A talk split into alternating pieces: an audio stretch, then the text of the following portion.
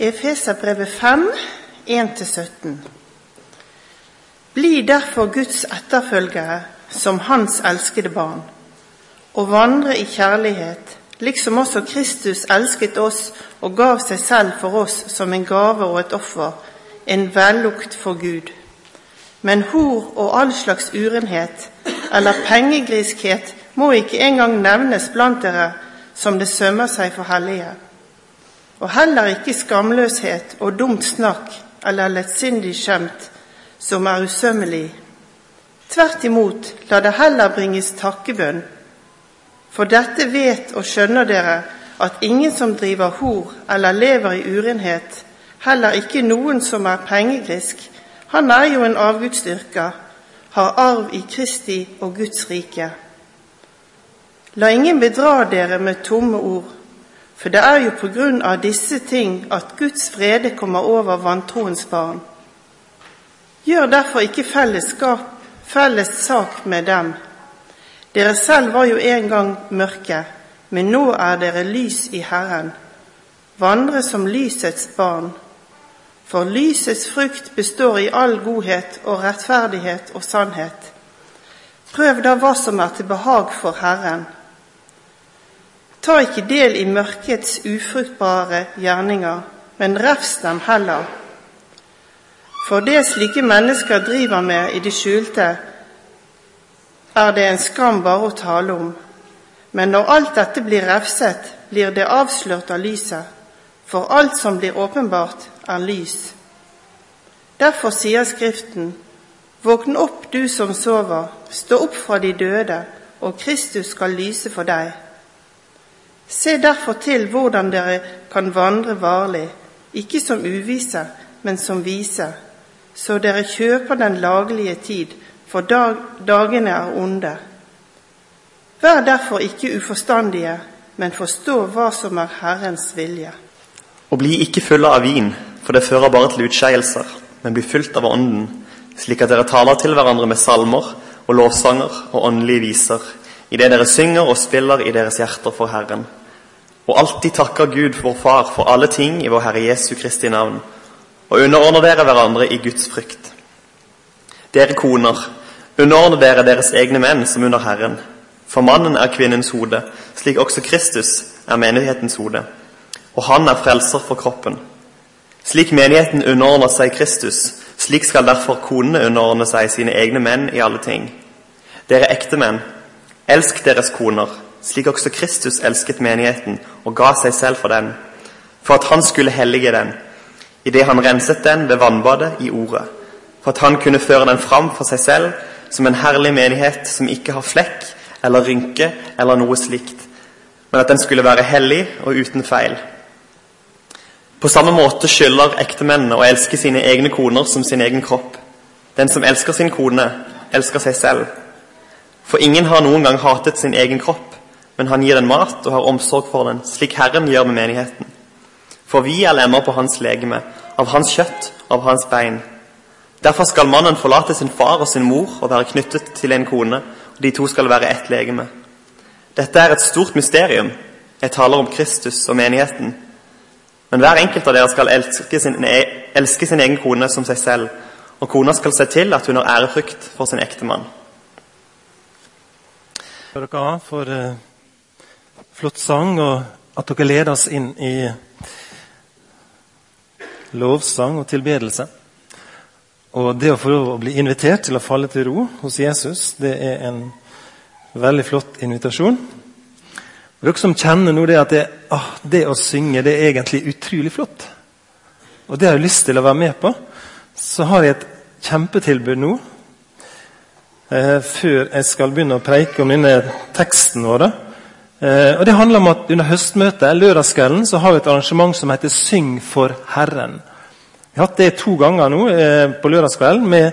Der egentlig det er den som sitter i salen, som er solistene og sangerne. Og de som står på podiet, de bare står her for å hjelpe oss som er i salen, til å synge. Men det går an å få stå på podiet og synge hvis du har lyst til det. Så eh, Det er en invitasjon til å bli med i et felleskor som fungerer som forsangere, for å løfte fellessangen. Da må du være med på å øve litt, og det skjer lørdag den 29. oktober. Altså lørdagen før høstmøtet. Og så blir det da å være med den lørdagskvelden helga etterpå. Årets høstmøte det kommer da 5. og 6. november. Og eh, vi får besøk av Rolf Kjøde, som er generalsekretær i Nordmisjon, som skal tale om det å være eh, Guds vitne, Guds kirke, midt i denne verden her. Eh, utfordrende og spennende tema, både på åpningsmøte og på seminar, der han skal tale om eh, Går noen til helvete? Om fortapelsens mulighet. Eh, og han skal tale om gode ting på søndag eh, formiddag og ettermiddag. Så her er høstmøtet litt ekstra annonsert, men nå var det kor. og Det er en liste som ligger der, og den lista skal på en eller annen måte forflytte seg derifra ut i gangen etter møtet, slik at du kan skrive deg på den lista. Ja, jeg vil være med å synge. Eh, og Da skriver du det informasjonen som er spurt om der.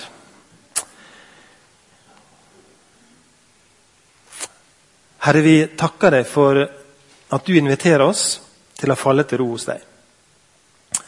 Og takk fordi, Jeg takker deg veldig fordi at det er ikke å falle til ro under min talerstol denne formiddagen. Herre. Men det er å falle til ro hos deg. Få lov å være i ditt ord, Herre. Og Jeg tror, jeg å be om at du må gripe oss, la ordet favne våre liv på en måte som um, setter spor etter seg i denne verden. I nabolag og på arbeidsplasser og der vi er, Herre. Studiested, samme hvor det er. Vi ber om det i ditt gode navn. Amen.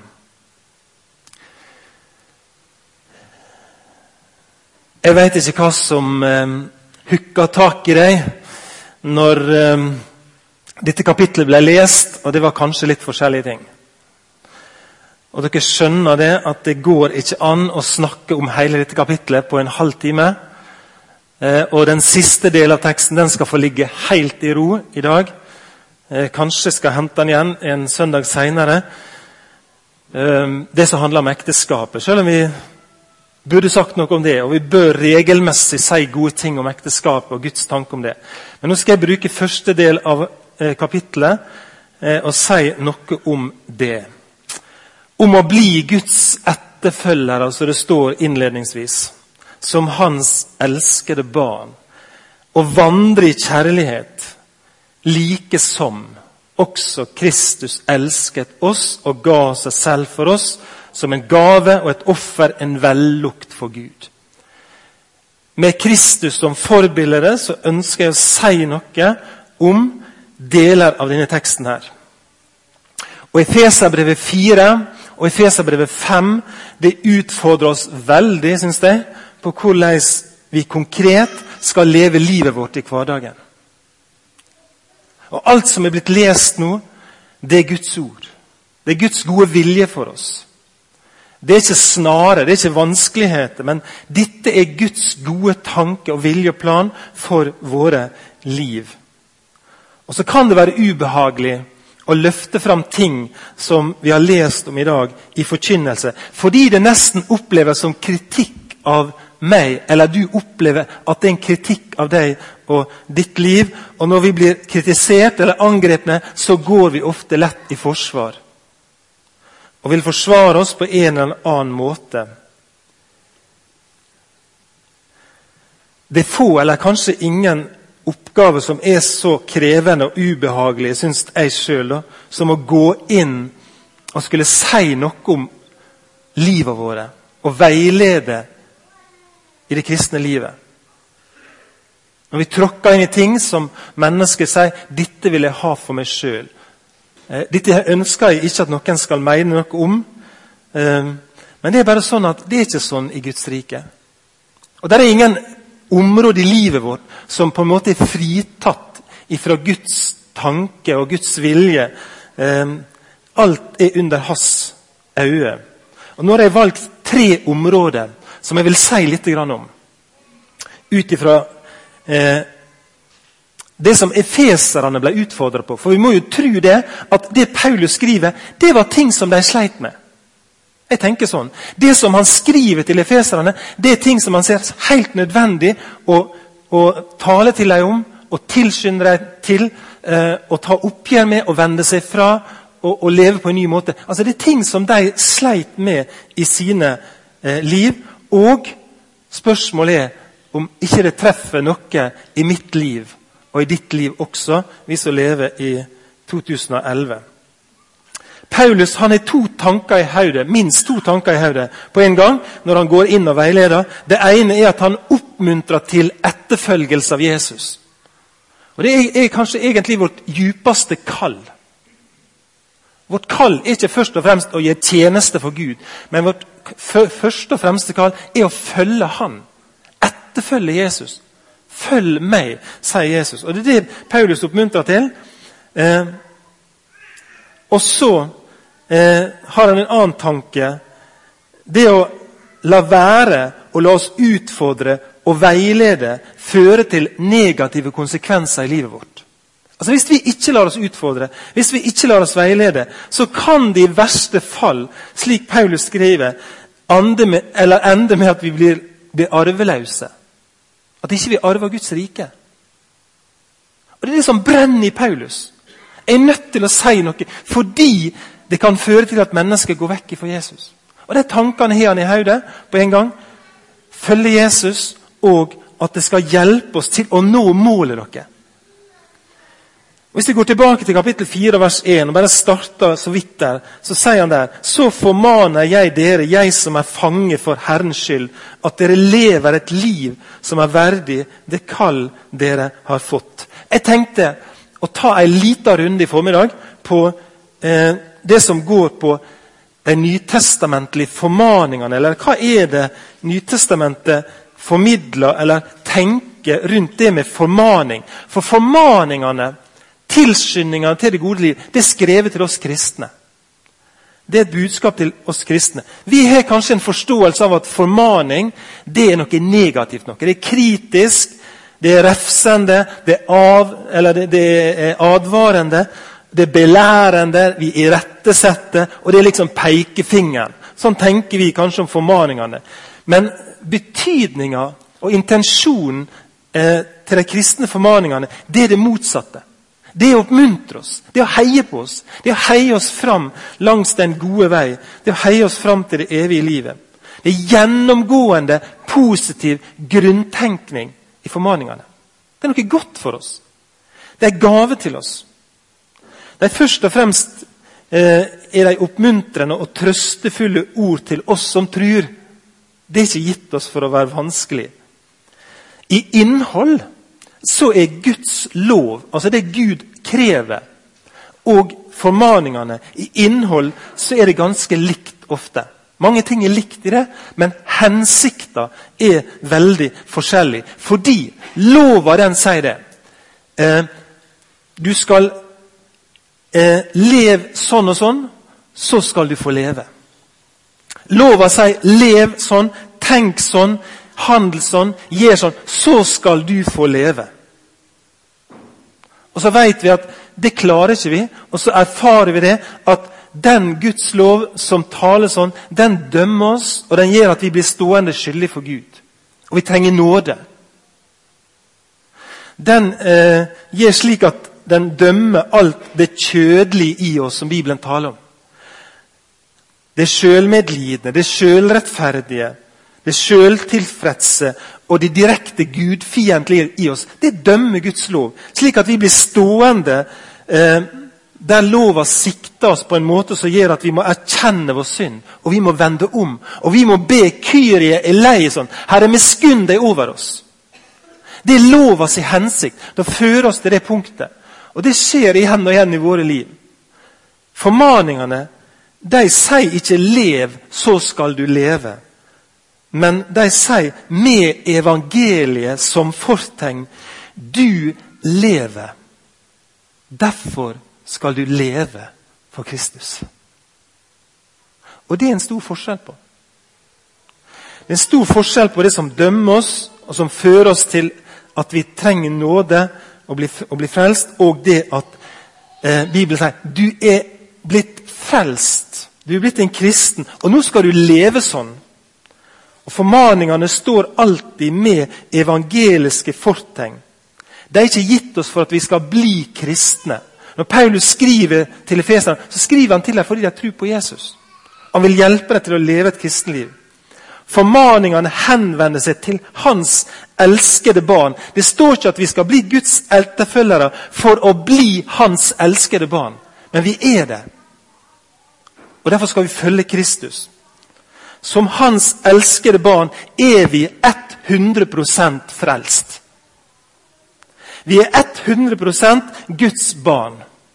Som Guds elskede barn er vi 100% gjenfødt. Vi er 100% rettferdige og himmelverdige. Vi er 100% tilgitt, og vi er 100% helliggjort. I Kristus Jesus så er vi 100 Jeg vet ikke om du har hørt om noen som er 94% født. Eller 87% rettferdiggjort. Det er ikke sånn Bibelen taler. Vi er 100% gjenfødte som Guds barn. Som Hans elskede barn. Og så blir formaningene gitt til levende, gjenfødte kristne mennesker som skal vokse og bli det de allerede er i Kristus. Og Formaningene er ikke gitt til voksfigurer eller til pappfigurer som kan se veldig ekte ut og levende ut, men som ikke er det. Eh, men det er gitt til levende kristne som kan vokse. En gang var dere selv mørke, men nå i Herren er dere lys. Lev da som lysets barn. Vi er blitt lysets barn, og vi skal leve som det. Vi var i mørket, og vi var mørke, og vi er nå lys. Vi var døde, og Kristus har gjort oss levende. Vi var vantroens barn, som det sto i teksten, og nå er vi blitt Guds elskede barn. Og så kommer da formaningene til oss om å leve dette livet som kristne. På samme måte som Jesus gjorde et valg, tenker jeg, så har vi våre valg å gjøre i forhold til våre liv. Derfor sier Kristus ved sitt komme, står det i Hebreabrevet 10, vers 5-7. Derfor sier Kristus ved sitt komme til verden, slakt offer og gave vil du ikke ha men et legeme gjorde du i stand til meg. Brennoffer og syndoffer brydde du deg ikke om. Da sa jeg, se, her kommer jeg for å gjøre din vilje. Jesus velger Guds vilje. Og Jesus sier det så sterkt at det er min mat. Jeg dør, sier han. Jeg dør hvis jeg ikke får gjøre Guds vilje. Min mat er å gjøre Hans vilje som sendte meg. Hvis jeg ikke gjør det, så dør jeg. Og Jesus går inn i den situasjonen der han velger, ikke som jeg vil, far, men som du vil. Ingen tar livet mitt. Jeg gir det. Jeg velger å gi det. Og Det valget er det Jesus har gjort for oss, og dermed ble han dette offeret, denne veldufta for Gud. Vi har blitt parfymefrie i Betlehem. vet ikke om dere har fått med dere det. Eh, vi, vi, vi, prøver å være parfymefrie fordi det er mennesker som ikke tåler eh, sterk parfyme. De kan rett og slett ikke være i rommet. Og Det ønsker vi å oppmuntre til å tenke litt på søndag formiddag og lørdag kveld. At ikke du tar den siste dusjen for, med kraft, for kraftig sjampo eller dynker for mye. Det stiger duft opp til Gud etter at Jesus ofra seg som et offer, som en røyk, som er Gud bare mm, For ei duft av Jesu offer for oss. Og Han har gått foran oss og vist en vei på det. Det var innledninga. Så taler altså Efeserbrevet om ganske mange konkrete ting som Paulus på en måte heier på oss. da. Og Hvis du ser for deg at vi er på en vei nå, og målet det er det evige Målet er den evige arven som Gud har gjort ferdig for oss. Målet er å komme til himmelen og være der og feire bryllup sammen med lammet og alle andre. og Stå i dette mektige koret. Det er målet sant, som, som, ligger der. Og langs den veien vi går, så står det noen skilt som bare heier på oss. Heier oss fram. Som oppmuntrer oss og tilskynder oss til å leve det gode livet, slik at vi skal nå fram til denne arven. Hvis jeg tenker sånn, så tror jeg det er ganske grei måte å tenke på. Vers 3. Men hor og all slags urenhet eller pengegriskhet må ikke engang nevnes blant dere, som det sømmer seg for hellige. Og heller ikke skamløshet og dumt snakk eller lettsindig skjemt som er usømmelig. Tvert imot, la det heller bringes takkebønn. For dette vet og skjønner dere at ingen som driver hor eller lever i urenhet, heller ikke noen som er pengegrisk, han er jo en avgudsdyrker, har arv i Kristi og Guds rike. Og jeg spør, kjære venner, hvordan skal vi sno oss ut av dette? Hvordan skal vi i 2011 si noe om dette som er troverdig, og som er sant? Og jeg tenker at På samme måte som Kristus har gjort et valg, så har vi valgmuligheter i våre liv. Ikke i forhold til frelse. Vi kan ikke velge om vi på en måte gjør gode gjerninger på en sånn god måte at vi blir frelst. Der er vi uten valg. Der er det håpløst. Der er det stengt. Men vi har valgmulighet i forhold til det kristne livet vårt. Vi kan velge lyset framfor mørket. Vi kan velge kjærlighet framfor hat. Det gode framfor det vonde. Vi kan velge tilgivelse framfor utilgivelighet. Kapittel 4 slutter med at vi skal tilgi hverandre, slik som Gud har tilgitt oss i Kristus. Og Jeg nevnte så vidt fra Matteusevangeliet kapittel 18 om denne hardhjerta tjeneren forrige søndag som valgte å ikke tilgi. Vi kan velge hardhet framfor det mjuke. Vi kan velge å leve rent i forhold til seksuelle fristelser i stedet for å leve ureint. Vi kan velge å snakke sømmelig. Vi kan velge å fortelle dårlige vitser eller litt bedre vitser eller gode vitser. Vi kan velge å baktale eller la være å baktale. Og Jeg har lyst til å si det sånn, jeg tror at helliggjørelsens daglige kamp i mitt liv handler om å gjøre de gode valgene som jeg har mulighet til å velge. Når jeg stiger ut av senga om morgenen, så kan jeg få lov å si som Jesus sa. Her kommer Jesus i dag, søndag hva er det, 9. oktober, og jeg ønsker å gjøre din vilje. Jeg ønsker å velge det du vil velge, Jesus. What would Jesus do? Hva ville han gjort? Hva ville han valgt? Og Det er det som er noe av saken, med Jesus som eksempel. Og så blir vi formana til på bakgrunn av det, alt jeg har sagt nå, til de gode valgene i forhold til konkrete ting i livet. Og Det ene som jeg har lyst til å si litt om først, det handler om seksuelle fristelser.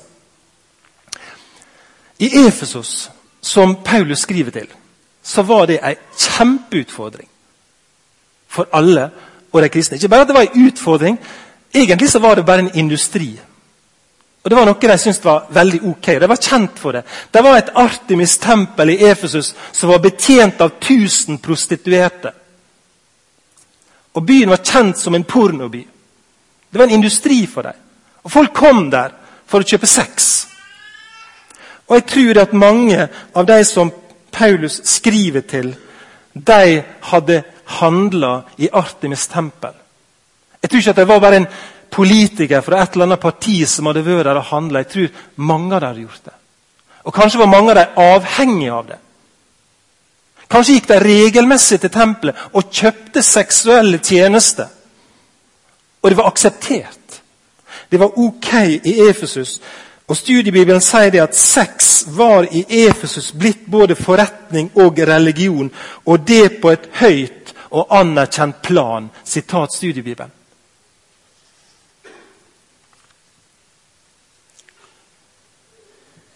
Vi skal ikke engang nevne det, sier Paulus. Pornografi blir kalt for mannens snare nummer én. Jeg vet ikke om du har hørt det uttrykket før. Men pornografi blir kalt for mannens snare nummer én.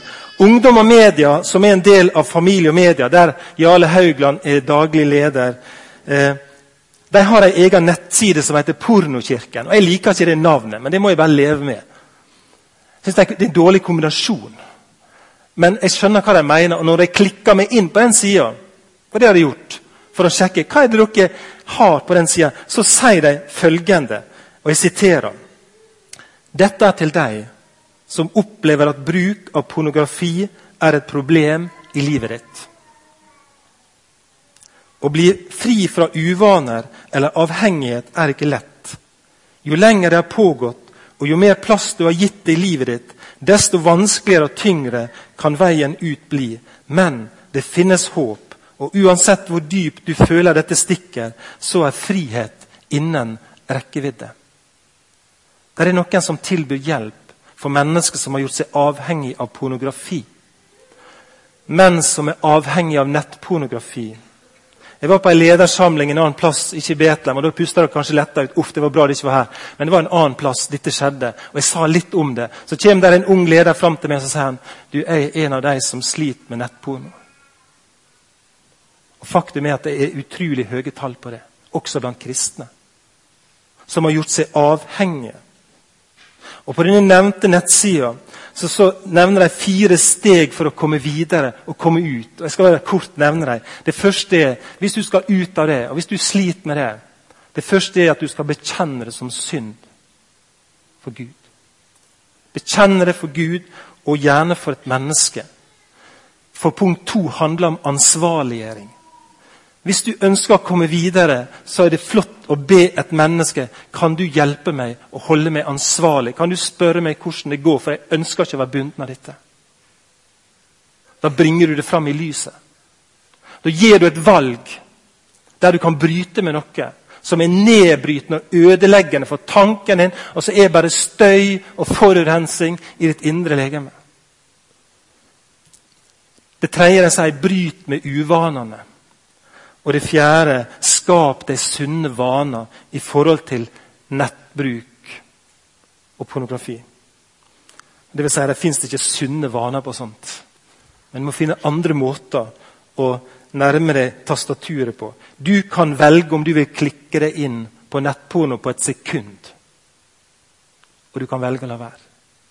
Og Jeg tror at helliggjørelsens valg i hverdagen er å gi disse gode valgene.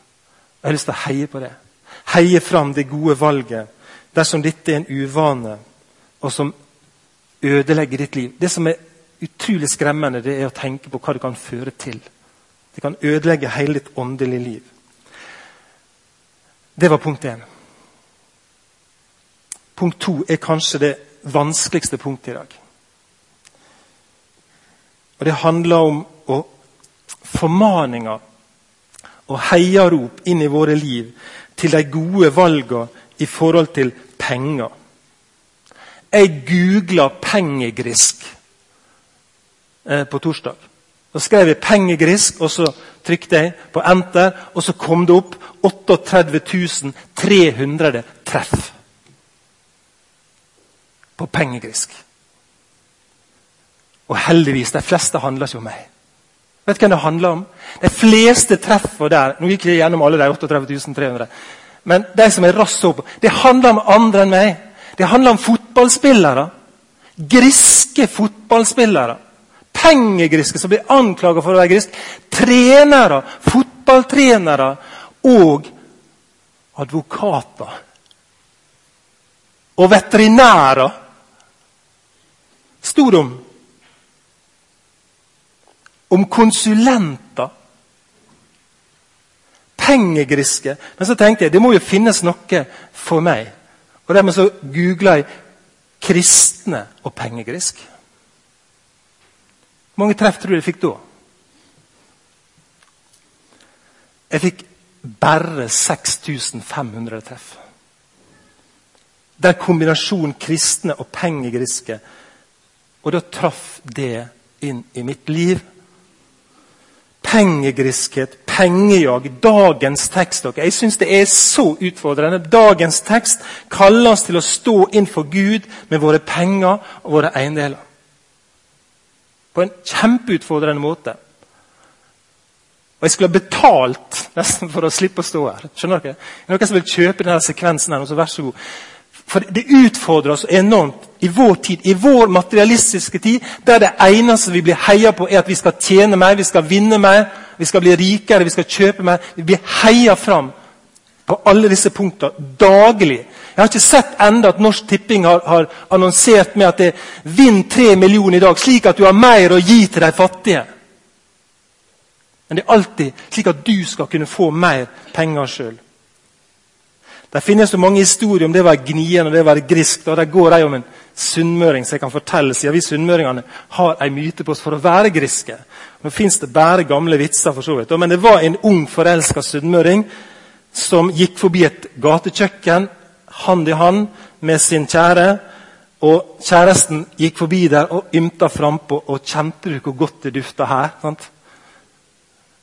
Og så ser han på oss og sier han, ja, skal vi gå forbi en gang til?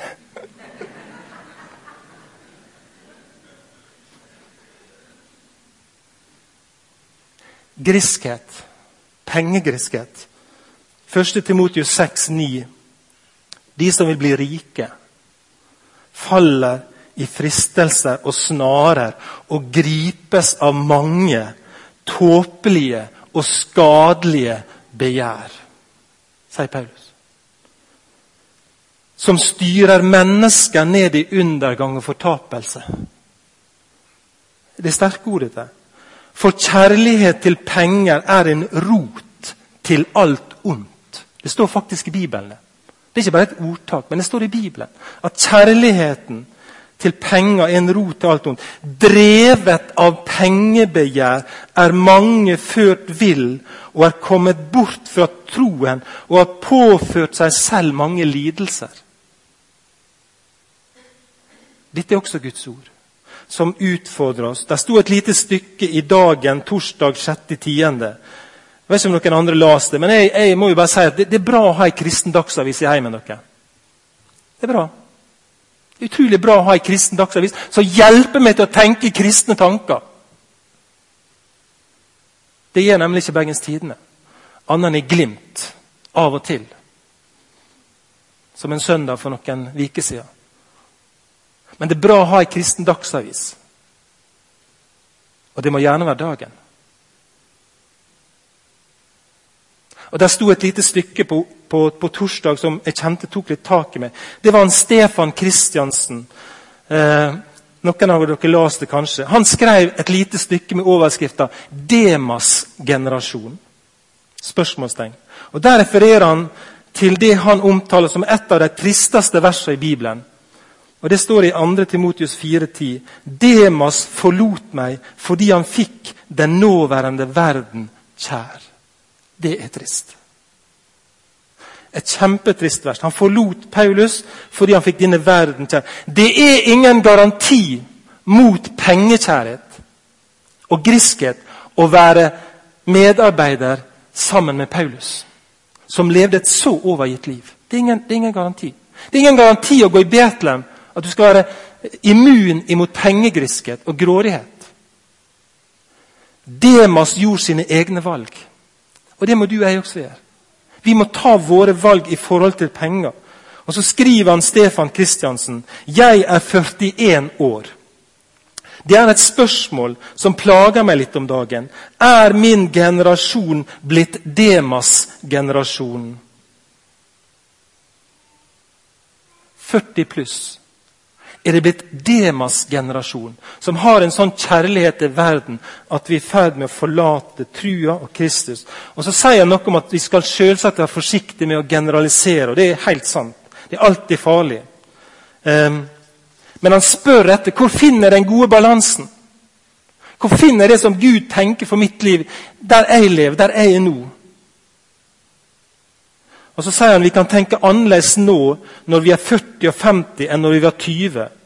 Men vi må alltid spørre oss spørsmålet, og det avslutter han stykket med Er kjærligheten til Gud i våre liv større eller mindre nå enn for 10 år, for 20 år siden?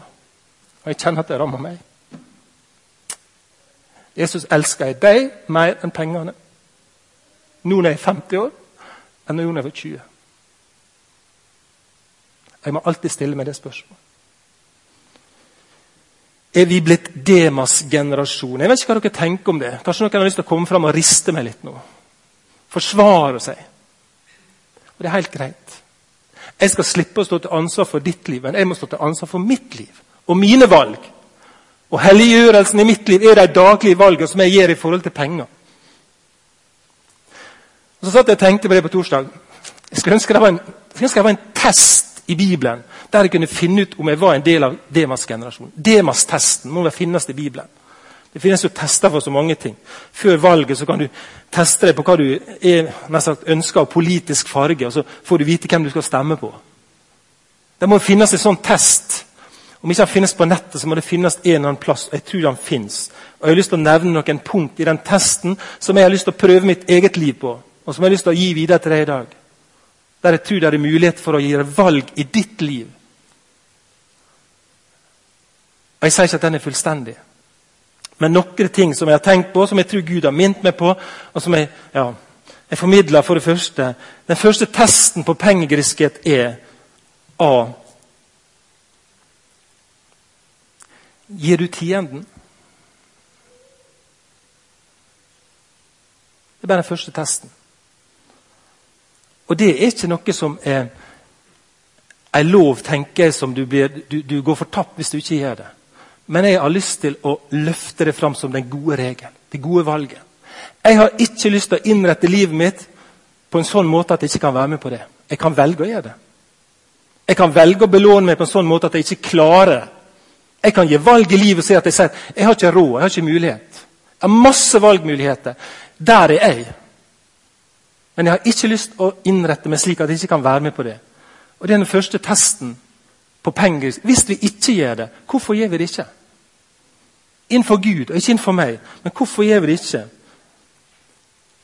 Den andre testen i Demas testen, det er bruk pengene så det hefter så mye urett ved, til å vinne dere venner som kan ta imot dere i de evige boliger når pengene tar slutt. Sånn står det i Lukas 16,9.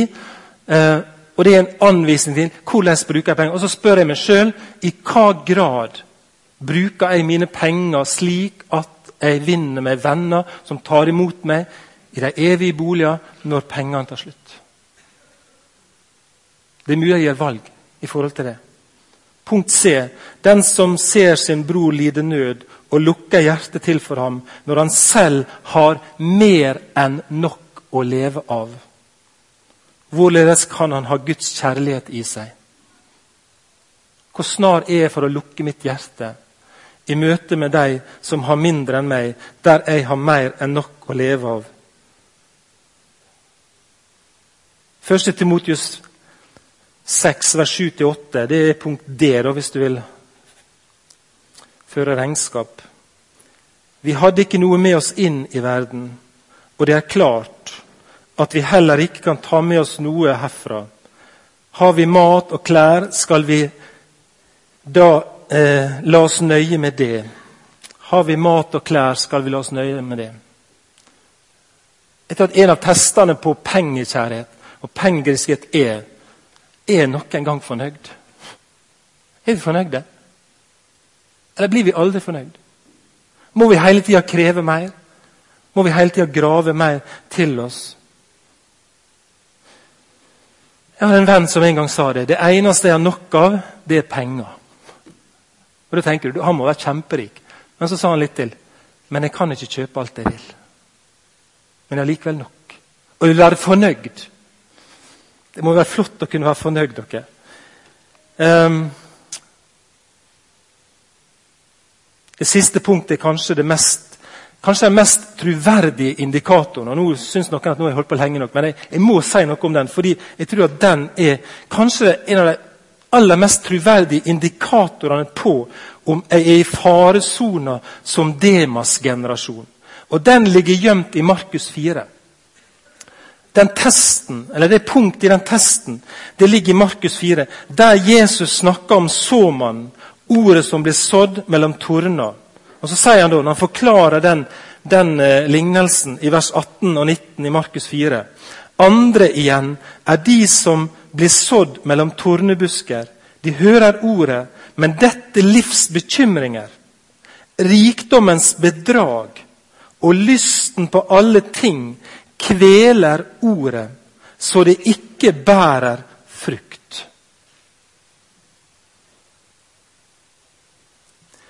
Der er et middel for å drepe Guds ord som djevelen bruker. Og det er det vi har lest om nå. Disse konkrete tingene som han taler om. Dette livs bekymringer, ok. Rikdommens bedrag, vi blir bedratt. Og lysta på alle ting. Det kveler ordet. Ordet slutter å virke i livet. Og vet du hva jeg kjenner på? Det er kanskje det som utfordrer meg mest.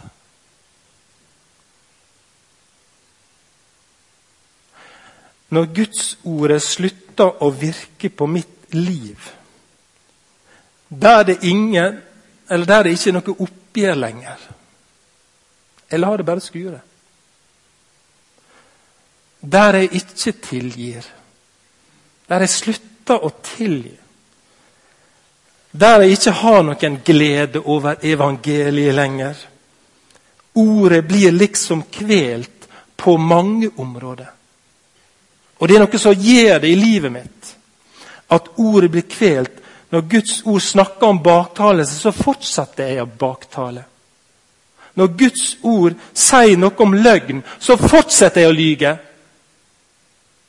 Og det er noe som kveler ordet på en sånn måte at det får ikke liv. Det får ikke feste seg i livet mitt, og det blir ikke konsekvenser i livet mitt. Når det er snakk om oppgjør og tilgivelse, så velger jeg å la være den ene gangen etter det andre. Når samvittigheten min var var en gang, så er hun slutta å være var. Og Jeg kjenner på det, dere. Og Jeg snakker for min egen del at det er kanskje noe av det som utfordrer meg aller verst. Vi pøser på med Guds ord i forsamling. Og Jeg håper at vi leser en del av Guds ord for oss sjøl. Og når det ikke får konsekvenser i livet vårt, da tror jeg vi er i faresonen for Demas-generasjonen. Og så kommer det så kraftfull Dette vet og skjønner dere at ingen som driver hor eller lever i urenhet, heller ikke noen pengegrisk, han er jo en avgudsdyrker, har arv i Kristi og Guds rike. Det er ganske alvorlig.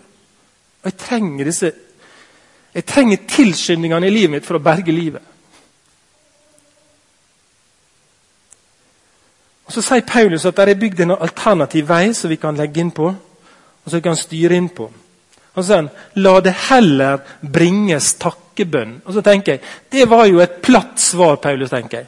Det var jo en billig løsning på alle disse vanskelig svære tingene. At vi bare i stedet for å velge, så skal vi begynne å takke. Er du seriøs nå? Er det det du mener? Men det tyder jo på det at han sier at det er en mulig alternativ vei. Takke fordi vi er satt fri fra mørket. dere. Takke fordi Gud har skapt ramme for seksuallivet.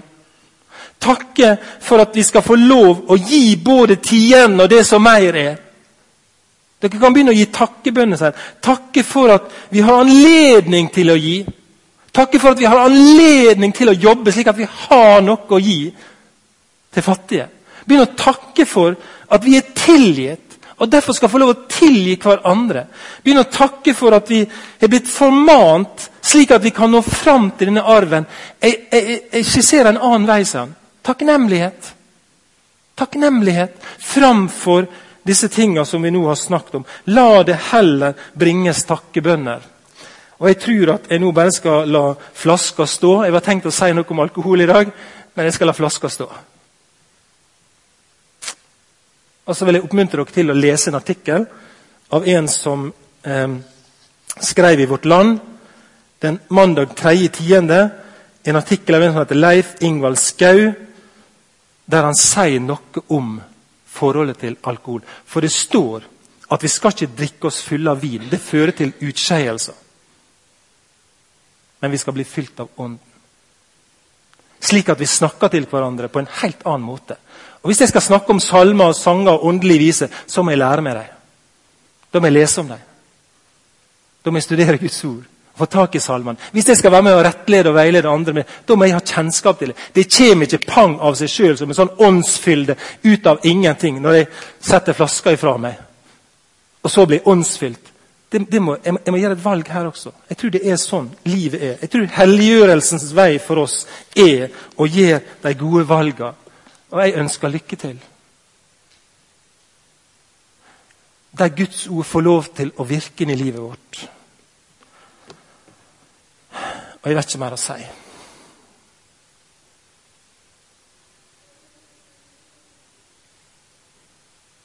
Men jeg har lyst til å be Herre om at vi ikke må forlate deg. Jeg tror muligheten er der. At vi ikke må forlate deg, Herre. Ved at vi vender tilbake til mørket som du har fridd oss ut ifra. Ved at ikke vi ikke får en sånn kjærlighet til verden at vi forlater deg, Jesus.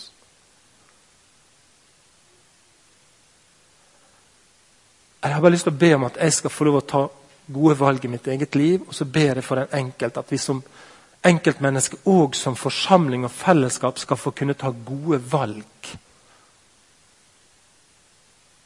Når vi stiger ut i hverdagen.